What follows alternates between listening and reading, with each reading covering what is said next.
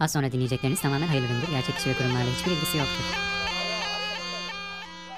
Az önce sepetinin içinde uyuyordu. Bagacısının dürtüklemesiyle dikili verdi öfkeyle. Saldırı pozisyonunda kobra dansı başladı. Merhaba arkadaşlar ben Kobra 1. Ben Kobra 2. Gündemi zehirlemeye Hak edeni sokmaya geldik. hepiniz Kobra Kobra'nın yeni bölümüne hoş geldiniz. Kobra 1 Cem hoş geldik. Hoş bulduk Kobra 2'cim. Nasılsın? İyi diyelim iyi olalım modundayım. Sen nasılsın?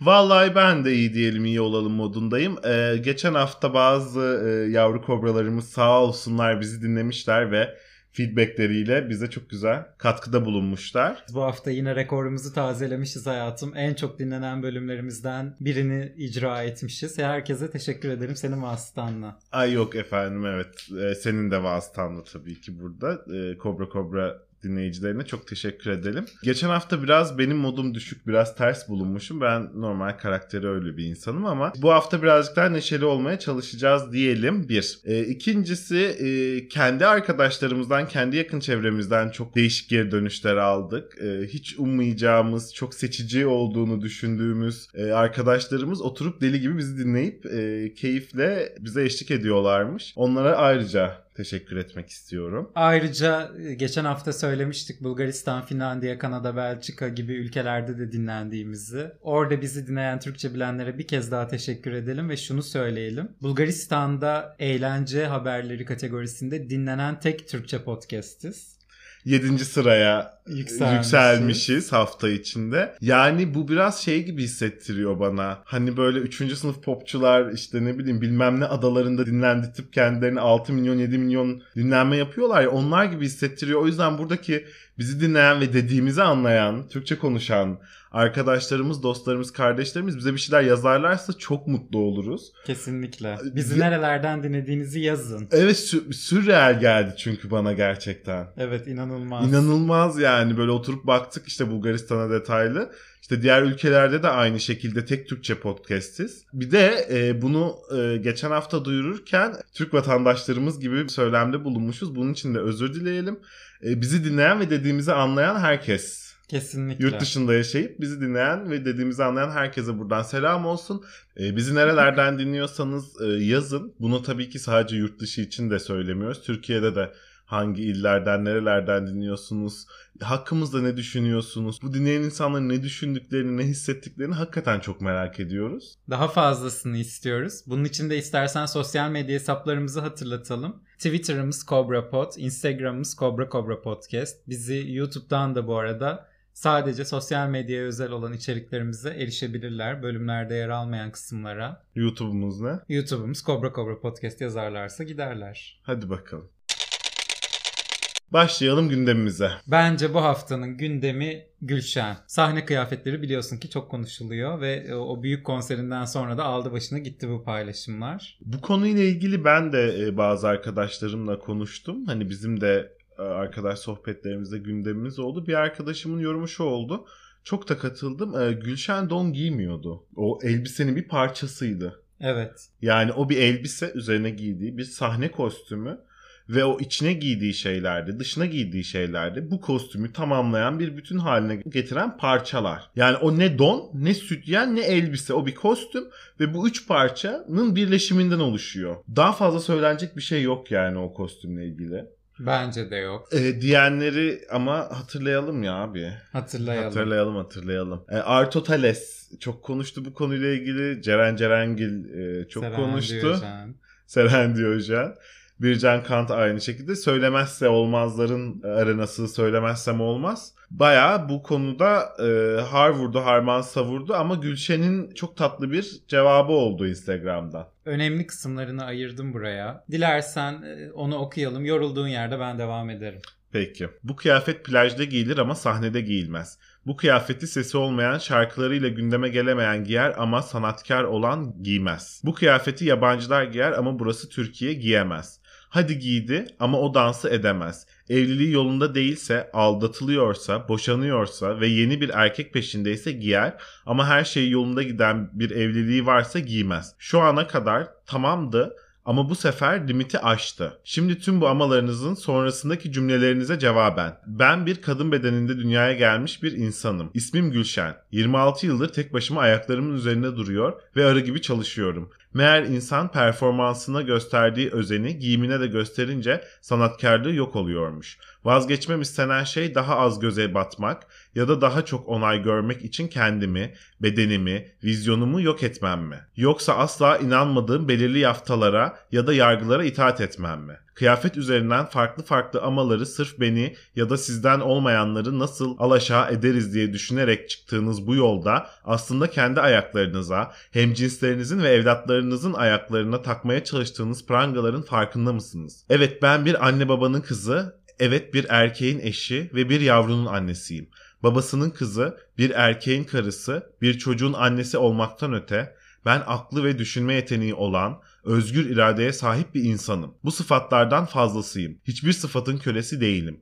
Kimseye ait değilim. Ben kendimim, kendime aitim. Bana kıyafetim, yaşım, anneliğim, cinsiyetim, eşliğim ya da sanatkarlığım üzerinden kurulmaya çalışılan tüm baskılar gibi eğer çeşitli baskıların içine hapsedilmiş nefessiz, umutsuz, çaresiz bırakılmaya çalışılmış tek bir kişi dahi var ise okuyup nefes bulsun, küçük sandığı dünyada aslında yalnız olmadığını, kabul gördüğünü ve çok sevildiğini bilsin istedim. Çünkü yaşam bu zihniyetler kadar küçük değil. Yaşam kocaman ve yaşamak çok güzel.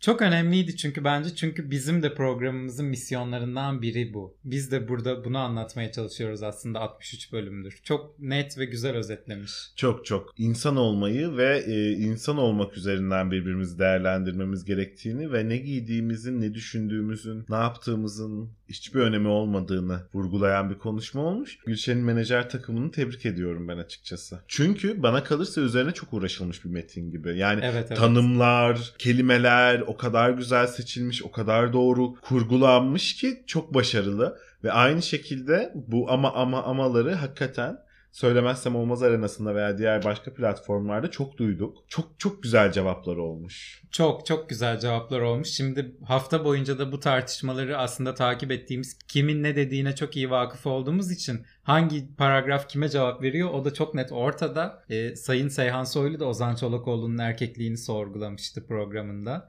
Masaları yumruklayarak. Erkekliğin de bir onuru var. Sen ne biçim erkeksin demezler mi senin arkandan? Oğlum bak erkekliğin sorgulanır diyorum sana. falan. gibi cümlelerle ifade etti kendisini. E, Seren Diyojen biliyorsun hiç üstlerine bile alınmamışlar.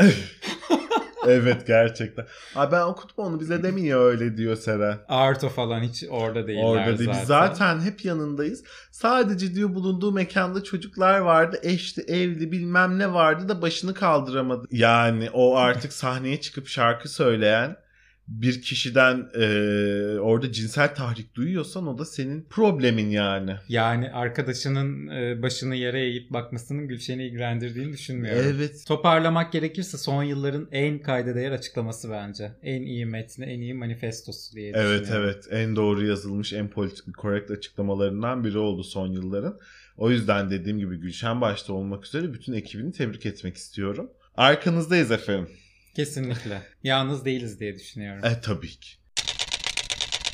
Sezen Aksu'nun başına gelenlere gidelim istersen şimdi de. Bir stardan diğer bir stara Türkiye meselesi haline geldiler geçtiğimiz hafta. Halbuki Türkiye'nin bunlar dışında ve çok daha önemli ne meseleleri var düşündüğümde. Ne meseleleri Ama var? oturuyoruz Gülşen'in donu kalkıyoruz Sezen'in Adem'i yatıyoruz onun Havva'sı kalkıyoruz. Bunun Habili Kabili yani. Olaylar istersen nasıl başlamıştı kısacık bir hatırlatalım.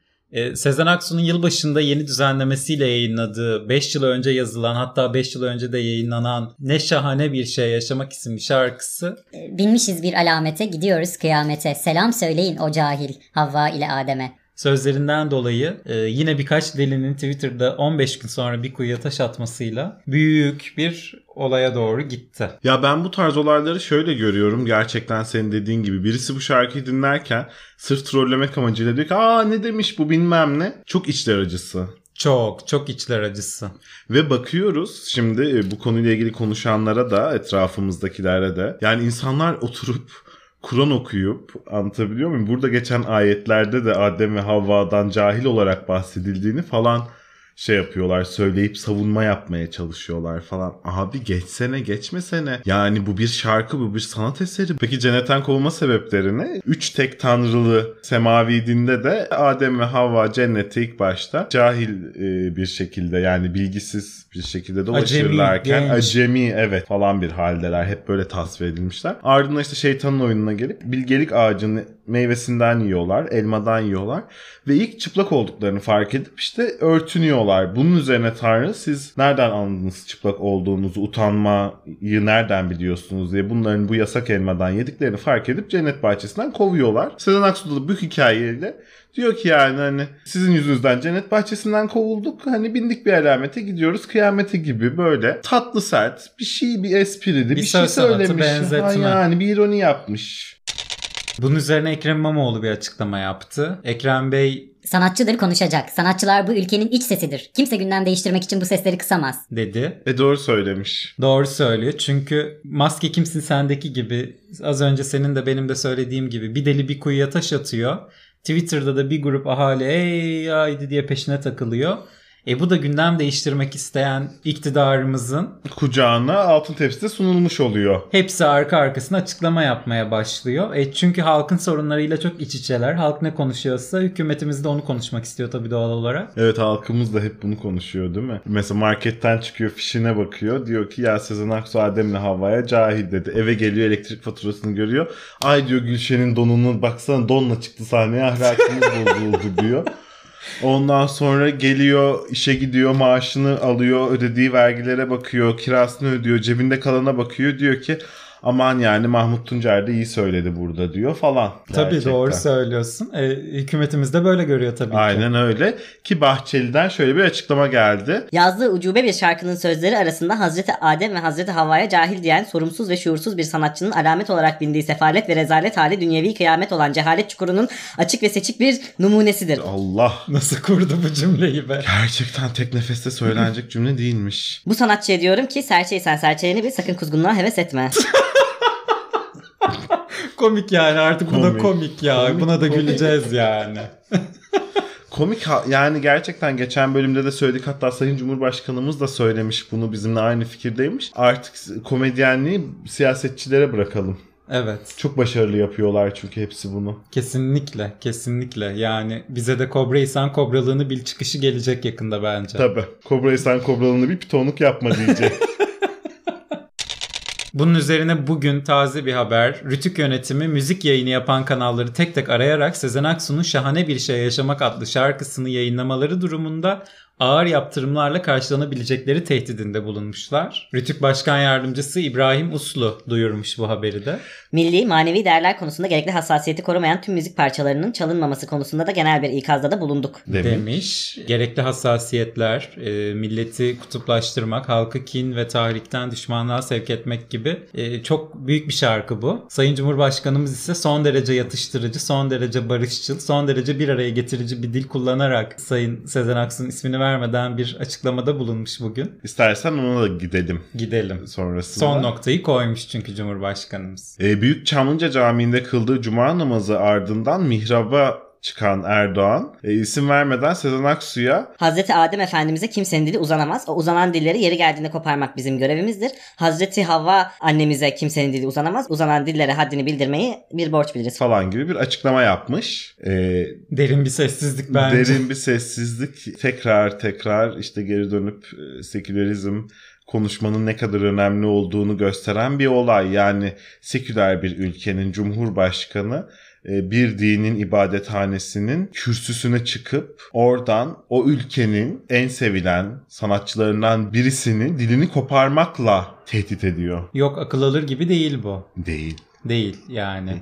Yani görüntüleri izledim ben böyle yani hiçbir şeye benzetmek istemiyorum ama Benzetmeyelim o zaman. hayret vericiydi. Yani hayret verici bir olay. Ee, haberi sunarken de dediğim gibi bu şarkı halkı kin ve düşmanlığa tahrik etme, dini değerleri e, alaşağı etmek gibi suçlardan yargılanıyor aslında şu an tırnak içinde. Evet. Ee, Sayın Cumhurbaşkanımız da gerçekten tam tersi olarak bu birleştirici dilinden ötürü kutlayalım istersen.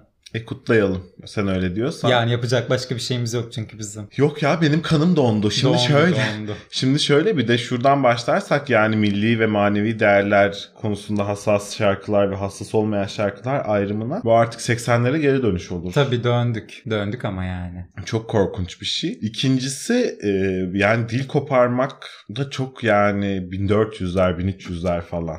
Anlatabiliyor muyum? O zaman da kalan bir yöntem yani dil koparmak. Afganistan'da belki koparılıyordur. Belki. Onlarla da aynı zaten dini hassasiyetleri paylaşıyoruz ya ülkece Sayın Cumhurbaşkanımızın deyimiyle. Hayırlı uğurlu olsun. Hassasiyetler demişken e, herkesin hassaslaştığı dönemlerimizde Fırat Tanış da hassas bir yerine denk gelen bir şeyle ilgili bir açıklama yapmış. Okuyalım istersen. Ee, İmamoğlu İstanbul'da yapımı onaylanmayan projeler için tiyatro oynamaya kalkmasınlar gibi bir ifade kullandı. Ee, Fırat Tanış da Twitter hesabından Ahlaksızlığı tiyatro sanatıyla tarif eden siyasi iradeden kültür sanat politikası üretmesini bekliyoruz. sözleriyle tepki verdi. E, bunun üzerine İmamoğlu Fırat Tanış'ı haklı bulup özür diledi ve açıklamasını düzeltti. Bence çok saçma. Niye? E çok manasız bir duyar değil mi bu? Yani şimdi Fırat Tanış iyi oyuncudur severiz ama hani ne bileyim ben caz yapma diyen de deniliyor. Türkçe deyim İşte bunlar denmemesi, yani. işte ba- bana da kalırsa denmemesi lazım. İşte Edebiyat yapma, felsefe yapma, işte tiyatro yapma. Nasıl ki dilimizden e, kızını dövmeyen dizini döver, işte karının sırtından sopayı, karnından sıpayı eksik etmeyeceksin gibi atasözlerini, deyimlerini çıkarmamız gerektiğine inanıyorsak bu tarz olumsuz ve cinsiyetçi söylemleri aynı şekilde tiyatro yapma gibi, edebiyat yapma gibi, entel dantel konuşma gibi, felsefe yapma gibi bu tarz sanatları veya entelektüel fiilleri böyle aşağılayan ve hor gören deyimleri de artık dilimizden çıkartmamız gerektiğini düşünüyorum. O yüzden Fırat Bey ile Ekrem Bey'in böyle karşılıklı Medeni e, bir şekilde. Evet bunu böyle yapması çok hoşuma gitti benim. E, bir yandan evet ben de dedim yani hani leylek mi kaldı hassasiyet göstermediğimiz diye ben de Evet, dedim ama evet. bir yandan da çok taşık olmuş yani. Yok hani olay şık olmuş ama hani seninle zaman zaman da konuştuğumuz gibi aslında o dönemde ortaya çıkmış bir deyim bu ve artık o tiyatro yapmaya kalkmasınlar dendiğinde e, bilet alıp işte gidilip birinci perde ikinci perde izlenilen bir olayın kastedilmediği de artık bence çok açık. Senin dediğin gibi tiyatro bilet alınıp gidilip izlenilen tiyatro değil dolandırıcılık yalancılık anlamına geliyor. Ve tiyatro gibi bir sanatı bu anlamda kullanmanın yanlış olduğunu böyle bir tanımla kullanmanın yanlış olduğunu söylüyor Fırat Bey. Çok haklı. Yeri zamanı mı? Bence böyle şeylerin yeri ve zamanı olmaz. Ne zaman konuşulması gerekiyorsa, ne zaman kimin hassasiyetine dokunuyorsa bence konuşulmalı. Çok da şık bir şekilde, karşılıklı, medeni bir şekilde konuşmuşlar ve konuyu halletmişler. Ve umarım dediğim gibi işte edebiyat yapma, caz yapma, entel dantel konuşma, felsefe yapma gibi deyimlerimize de bu işte tiyatro yapma gibi hassasiyet gösterilir ve bundan sonra kullanılmaz. Ben aynı fikirde olamadım Kobra Bircim. Ee, yavru kobralarımız hangi fikirdeler bize yazsınlar sosyal medya hesaplarımızdan diyelim o zaman. Şunu belirtmek istiyorum bu konuyla ilgili. Ekrem Bey kendisinin Cumhurbaşkanlığı yapabilecek yetide bir insan olmadığını bir kere daha göstermiş oldu. Çünkü e, büyük siyasetçi dediğin özür dilemez, geri adım atmaz. Yapacağı bir şey varsa kafasına bir şey koyduysa hiç kimseyi dinlemez inadına yapar. Güçlü ve büyük siyasetçilik bunu gerektirir. Yoksa halkın söylediklerini dinlemek, halkın ihtiyaçlarını veya sanatçının hassasiyetlerini dinlemek, duymak, hata yaptığında özür dilemek, geri Hele adım hele atmayı özür bilme- dilemek. Yani Asla. hiçbir siyasetçiye yakışır. Aha, Aa, asla. asla. Ekrem Bey de ne kadar yani hiç olmadı. Yok çok doğru söyledin. Hiç hiç hiç Cumhurbaşkanı adayı falan olmaya kalkmasın. Hiç o gömlek yok yani. Hiç. Kılıçdaroğlu bu hafta Erdoğan Türkiye'yi öyle sisli puslu hale getirdi ki bu karanlıktan onu konuşarak çıkamayız. Düşündüm ki artık Erdoğan'ın konuşmanın pek bir anlamı yok. Zaten çirkin, küfürbaz dil onun dili. Biz o seviyeye inmeyiz. Ben tebrik ediyorum Kemal Bey'i. Gerçekten programımızı da dinlediği için ayrıca tebrik ediyorum. Ee, kendisi umarım konuşmaz. umarım umarım konuşmaz. Bir de şunu da anlamıyorum ben. Kemal Bey mesela diyor ki işte sisli puslu haline getirdi. Ondan biz çıkaracağız. İşte geliyor gelmekte olan hödödö bödödö. Sonra diyorsun ki e peki Kemal Bey bunu nasıl yapacağız? Diyor ki ekonomi programımızı şey Babacan yazıyor. Onun ekonomi programını benimseyeceğiz diyor. Evet. Ama Kemal Bey yani hani e, Babacan da laciverti ya hani bunca yıl bu noktaya gelmemizin eser sahipleri mimarlarından biri de Babacan ya hani falan diyorsun böyle veya işte Faik Bey mesela dünyanın en iyi ekonomistlerinden birisi onun eli armut mu topluyor şu anda diye bir sorma gereği duyuyorsun. Garip gerçekten yani. Boşa sallıyormuş gibi geliyor Kılıçdaroğlu. Neyse sallamayacakmış artık. İyi hadi inşallah. Bu arada Kemal Kılıçdaroğlu Cumhurbaşkanı Recep Tayyip Erdoğan'a açtığı 5 kuruşluk tazminat davasını da kazanmış. Erdoğan Cahil, izansız, yalancı, zeka yoksunu. gibi hakaretlerde bulunmuştu kendisine geçtiğimiz yıl. Mahkemede bunların hakaret olduğuna kanaat getirmiş. İnşallah e, kısa yumuşağın da hakaret olduğuna karar getirmez mahkeme diyelim. Şimdi yavru kobralarımızdan bir istek geldi bu hafta. Kılıçdaroğlu önce muhtarlarla sonra kapıcılarla buluştu hafta içinde. E, sıradaki meslek grubu hangisi olabilir? Bize sormuşlar ve bizim fikrimizi merak etmişler bu konuda. Hamam tellaklarıyla buluşabilir. Neden? Öyle olur. Neden olmasın? Neden olmasın? Ama bence kapıcılar yanlış seçim olmuş. Bizim kapıcımız en azından geldi. Günlük Türkiye gündemi siyaseti konuşmaktansa apartman dedikodusu yapmayı tercih ediyor. Onlara bu gelmiş. Bu buna silah çekmiş. Bunların evini polis basmış. Baba kız birbirlerine bıçak çekmişler evde bilmem ne falan gibi. Genelde böyle şeyler anlatmayı tercih ediyor.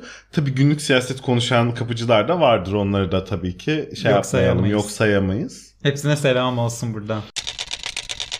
Osman Kavala'nın serbest bırakılmaması üzerine Avrupa Konseyi'nin Türkiye için başlattığı ihlal prosedürü nasıl işleyecek? E, bu da bize bu hafta yavru kobralarımızın birazcık bundan bahsedebilir misiniz? Kısacık anlatır mısınız? E, neler gelebilir başımıza diye sordukları bir konuydu. Ee, 47 üyeli Avrupa Konseyi'nde 35 ülkenin ihlal prosedürünün uygulanması lehinde oy kullandı. Bunların büyük çoğunluğunun Avrupa Birliği üyesi olduğu kaydedildi. E, bu tedbirlerin neler olacağı somut olarak belirtilmezken komitenin uygun göreceği adımları atacağı kaydediliyor. Bunlar arasında söz konusu ülkenin oy hakkının veya üyeliğinin askıya alınması ve hatta üyelikten çıkarılması da yer alıyor. Daha önce sadece Azerbaycan için işletilmişti bu yaptırım e, süreci ama yaptırım aşamasına gelmeden sonlanan bir süreçti. Türkiye için nasıl işletileceği ve sonuçları neler olacağı henüz öngörülemiyor. Çünkü daha önce dediğimiz gibi yapılmamış bir şey. Şubat'taymış. E, bir duruşma daha varmış Şubat'ta. Ondan sonra bu yaptırımlarında neler olduğu yavaş yavaş ortaya çıkacak. Zaten Avrupa Konseyi'ne hala neden üyeyiz onu bilmiyorum. Biz Avrupa'dan ziyade artık Çin, Rusya gibi ülkelerle işbirliği yapan, onlarla aslında bir aynı düzlemde buluşmaya çalışan bir ülke haline geldik. O yüzden bence en azından Türkiye yönetiminin çok da umurunda olmayacaktır Avrupa Konseyi'nden çıkarılmak diye düşünüyorum. Çok muhtemel. Tam tersine istediği gibi atıp tutacak. Ey Avrupa Konseyi ayağını denk al diyecek yani. Haddini bildiğini Sen koparırım beni diyecek. çıkaramazsın ben gidiyorum Ben diyecek. istifa ediyorum diyecek.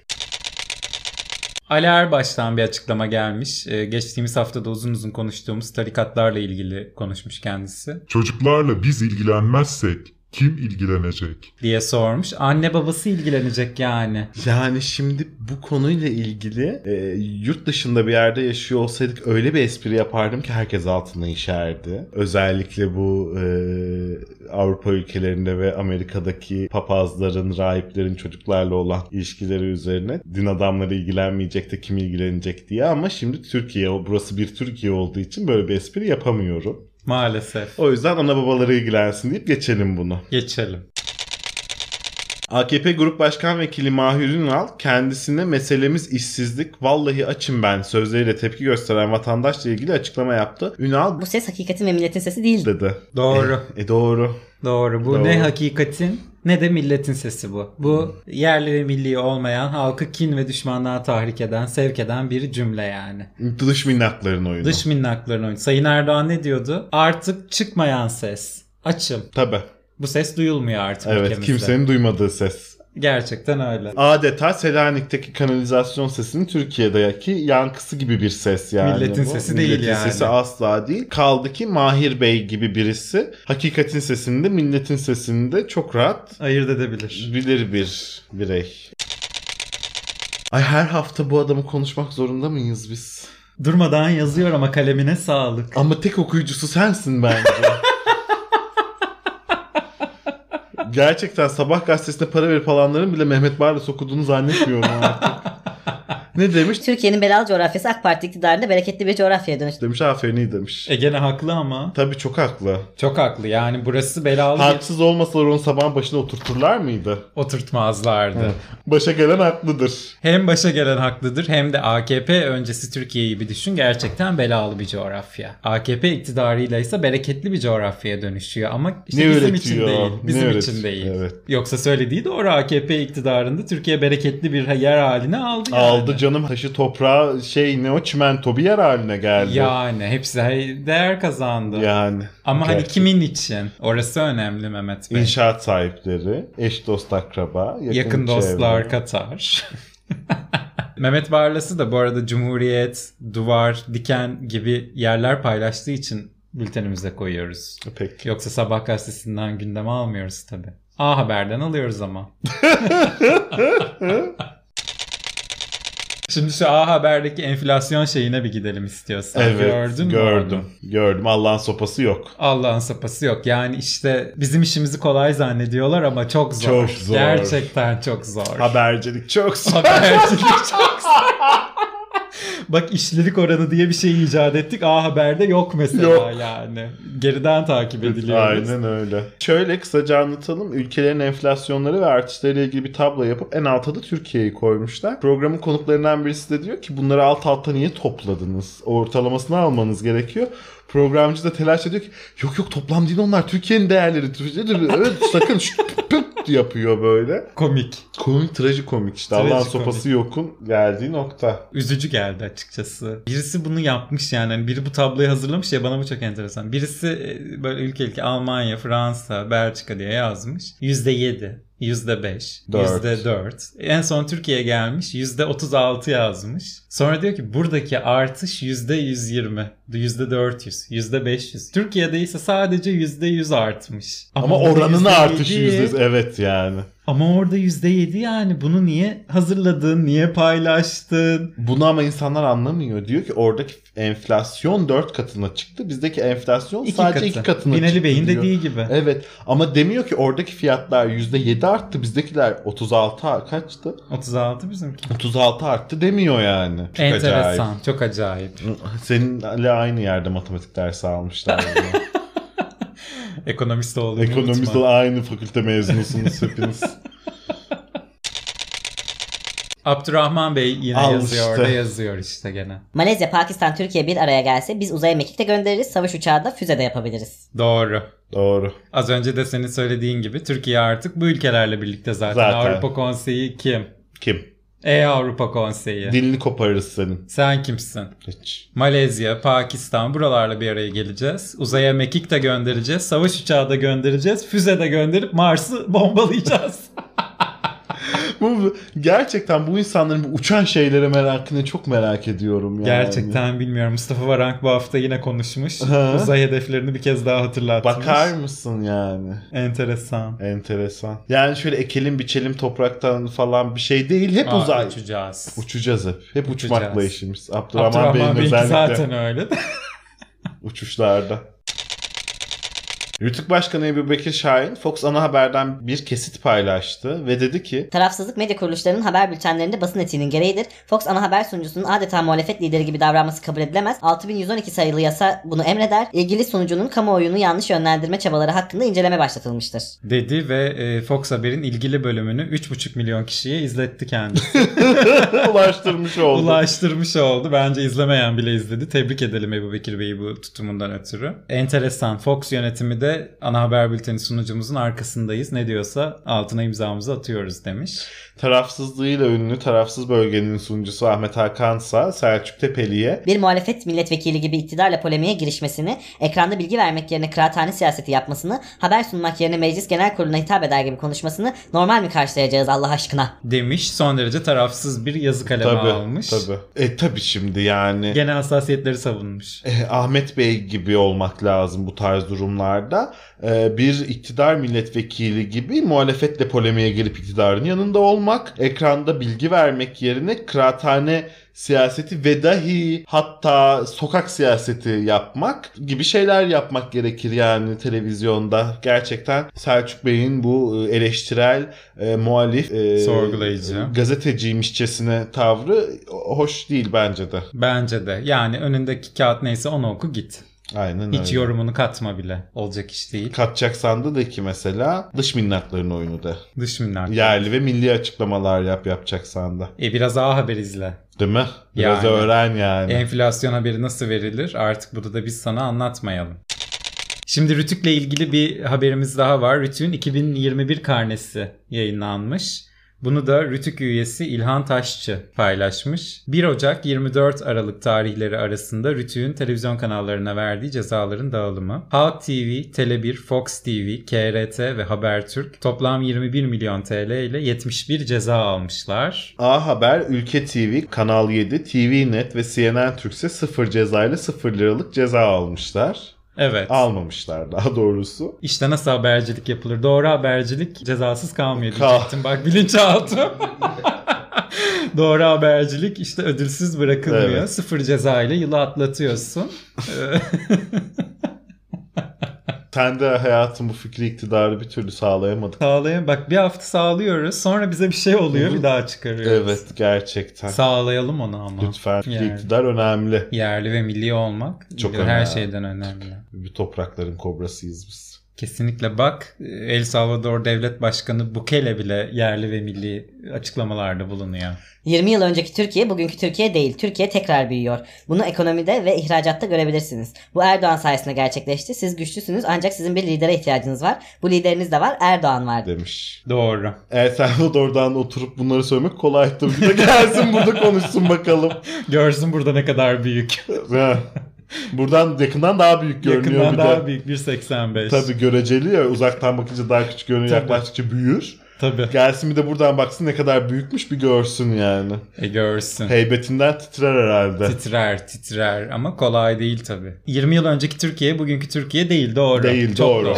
Doğru. Çok doğru. Başka bir Türkiye gerçekten. Tekrar büyüyor. Doğru. Nereye doğru büyüyor? Ne büyüyor? O bilmiyoruz. Onu yani. bilmiyoruz. Onu henüz bilmiyoruz. Onu e, bir hükümettekiler bir de El Salvador devlet başkanı biliyor. biliyor. Evet. Bizim henüz haberimiz yok. Bunlar Erdoğan sayesinde gerçekleşiyor. O, da, da doğru.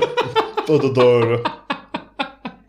E bir lideriniz de var Erdoğan diyor ya artık o zaten. Zaten Allah'ın emri gibi. diyebilir miyiz? Diye Diyebiliriz. deriz. Milletvekilleri diyor ya biz niye diyelim. Yani o artık yani Sayın Cumhurbaşkanımız biliyorsun Mehmet Barlas gibi Erdoğan seçilmezse 2023'te ne yaparız bilmiyorum yazmış bugün. Gerçekten öyle. Gerçekten öyle. Ne yaparız bilmiyorum. Özellikle Mehmet Barlas ne yapar onu çok merak ediyorum. Ben Hadi biz ne yaparız?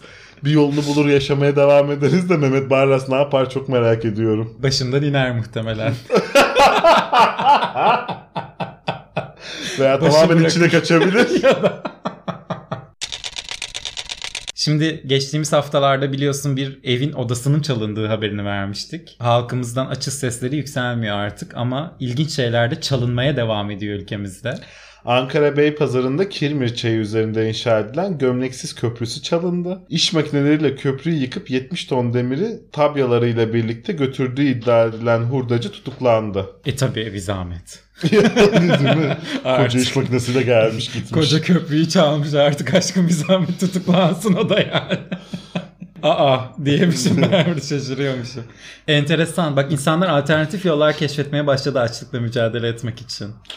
Benim bir arkadaşımın yazlık aşkı vardı. O da trafik tabelası çalıyordu. Hurdacıya satmak Hurdacıya satmak için evet. Enteresan. Enteresan. O puştuğuna yapıyordu da. Bu da muhtemelen puştuğuna yapmıştır yani. Ekmek parası için de 70 tonluk köprü çalmazsın yani. Yani, İş ma- ya bir insan iş makinesi varsa ekmeğe muhtaç değildir gibi geliyor bana. bu arada. Yani hani iş makinesini kiralayıp veya alıp veya kullanıp o köprüyü taşıyacak maddi gücü varsa bunu başka bir sebepten yapıyordur yani. Bu artık dolandırıcılık yani.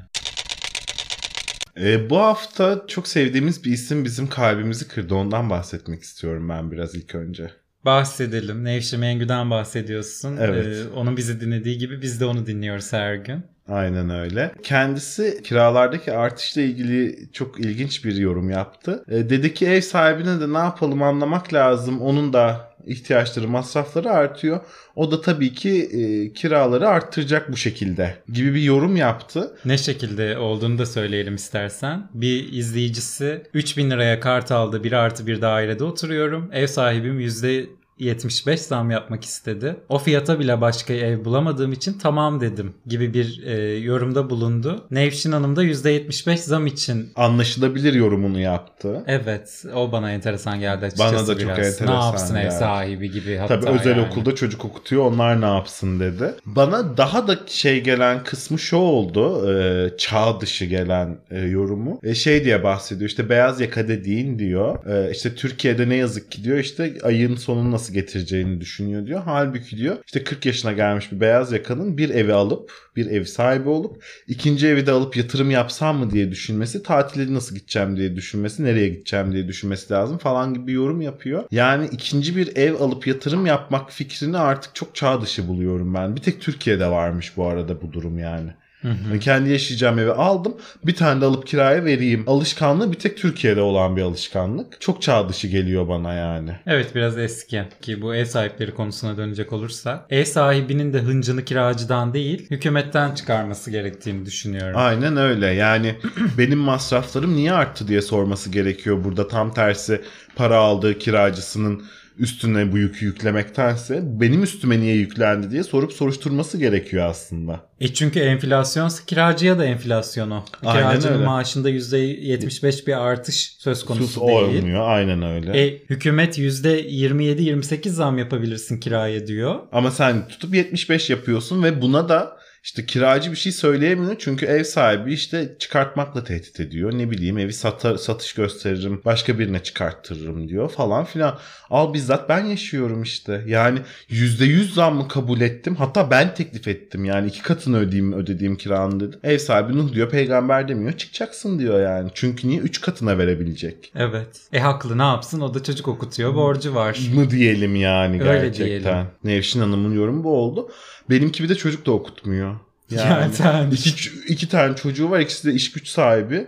Gayet eli ekmek tutan insanlar yani. Kendisinin daha bir sürü evi var kira aldığı falan ama hayır yani o üç katını istiyor ve istiyor yani. Ve alacak da yani. Ve alacak evet ben çıktıktan sonra alacak o parayı. Yani işte e, Nevşin Hanım'ın yorumunu biraz tek taraflı buldum açıkçası. Hiç kira ödememiş biri gibi konuşuyor. E muhtemelen de ödememiştir. Yani ay sonunu nasıl getireceğim, kiramı nasıl ödeyeceğim, faturamı nasıl ödeyeceğim diye bir kaygısının olduğunu ben bugüne kadar zannetmiyorum. Ben Olmadığı da çok belli oldu zaten bu açıklamasıyla. Kesinlikle.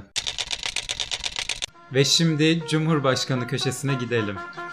Oley! Cumhurbaşkanlığı köşesi. Evet! Cumhurbaşkanımız bu hafta az konuştu, öz konuştu diyebiliriz. Evet, yani yani- en evet. çarpıcısı Sezen Aksu'nun dilini koparması oldu. Evet. Ama onun dışında da konuştu Erdoğan. Amerika'ya bak. Enflasyon felaket. Avrupa'ya gelin aynı. Aradığınız gıda ürünlerini bile bulamıyorsunuz oralarda. Hamdolsun Türkiye'nin böyle bir sorunu yok. demiş. Vallahi ben aradığım gıda ürünü bulamadım bugün. Aa. Evet. Penne makarna bulamadım hiçbir yerde. Aa. Çeşit çeşit fiyongu, boncuğu bilmem nesi var. Penne makarna yok. Penne kesin.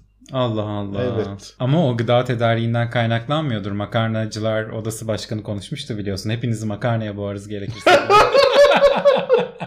gerekirse hepinizi makarnaya boğarız merak etmeyin O noktaya demişti. geldik bu arada. Hepimiz her akşam makarna yiyoruz. Makarnaya boğulduk yani. hakikaten. Boğulduk ama o bile zor. 7 liraya aldın bak sen Evet bugün. yani. Bir paket bir makarna. paket makarna 6.85 ne demek ya? Şaka gibi. Bence aradığımız gıda ürünlerini markette buluyoruz. Buluyoruz. Bulmakta sorun yok yani. Yok. Al- Ara- alıp alamamak konusunda bazı sorunlar yaşayabiliyoruz. Ama onu da hallederiz.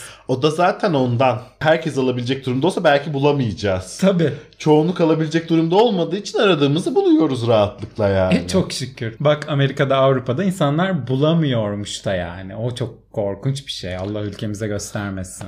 Yazsın yavru kobralarımız bizi Avrupa'dan dinleyen ne bulamıyorlar arayıp da. Ben de çok merak ediyorum biliyor musun? Hatta böyle bir kısacık şöyle Almanya'da falan yaşayan yavru kobralarımızı 10 dakika bile olsa alsak da Bize oralarda ne dönüyor, ne yaşanıyor, ne var, ne yok, kaç para anlatsa yani. Anlatsa keşke. Gerçekten öyle. Eğer bulamadıkları bir şey varsa burada bulunuyor hepsi. Biz göndeririz onlara. Kesinlikle. Kesinlikle. Çok doğru söyledin. Erdoğan demiş ki 2022 en parlak yılımız olacak. Aha doları hazırlayın. bir sene öne çekmiş parlak yılı. Ne diyorsun bu konu hakkında Kobra Bircim? Bence 2022 en parlak yılımız olacak. 2023 Göz kamaştırıcı. artık böyle yani öf. Kör edici, kör edici bir ışıltıda geçecek 2023. O yüzden 2024'ü gör, göremeyeceğiz gibi bir his içimde. 2022 ile 23 o kadar parlak olacak ki kör olup olacak. 2024'ü göremeyeceğiz diye çok korkuyorum. Yani Sayın Cumhurbaşkanımızın çok parlak yılları oldu. oldu oldu. 2022'de onlardan biri olur mu bilmiyorum. Umarım Olur olmama ihtimali Yok, var mı? Asla yok. Umarım ki olur diyorum ya kesinlikle. Umarım. Dediğin gibi umarım göz kamaştırıcı olur yani. Ki görmeyiz biz. 2024'e kör giriyoruz milletçe. Hayırlı uğurlu olsun. Hadi bu haftalık bu kadar yeter diyelim. Bence de diyelim.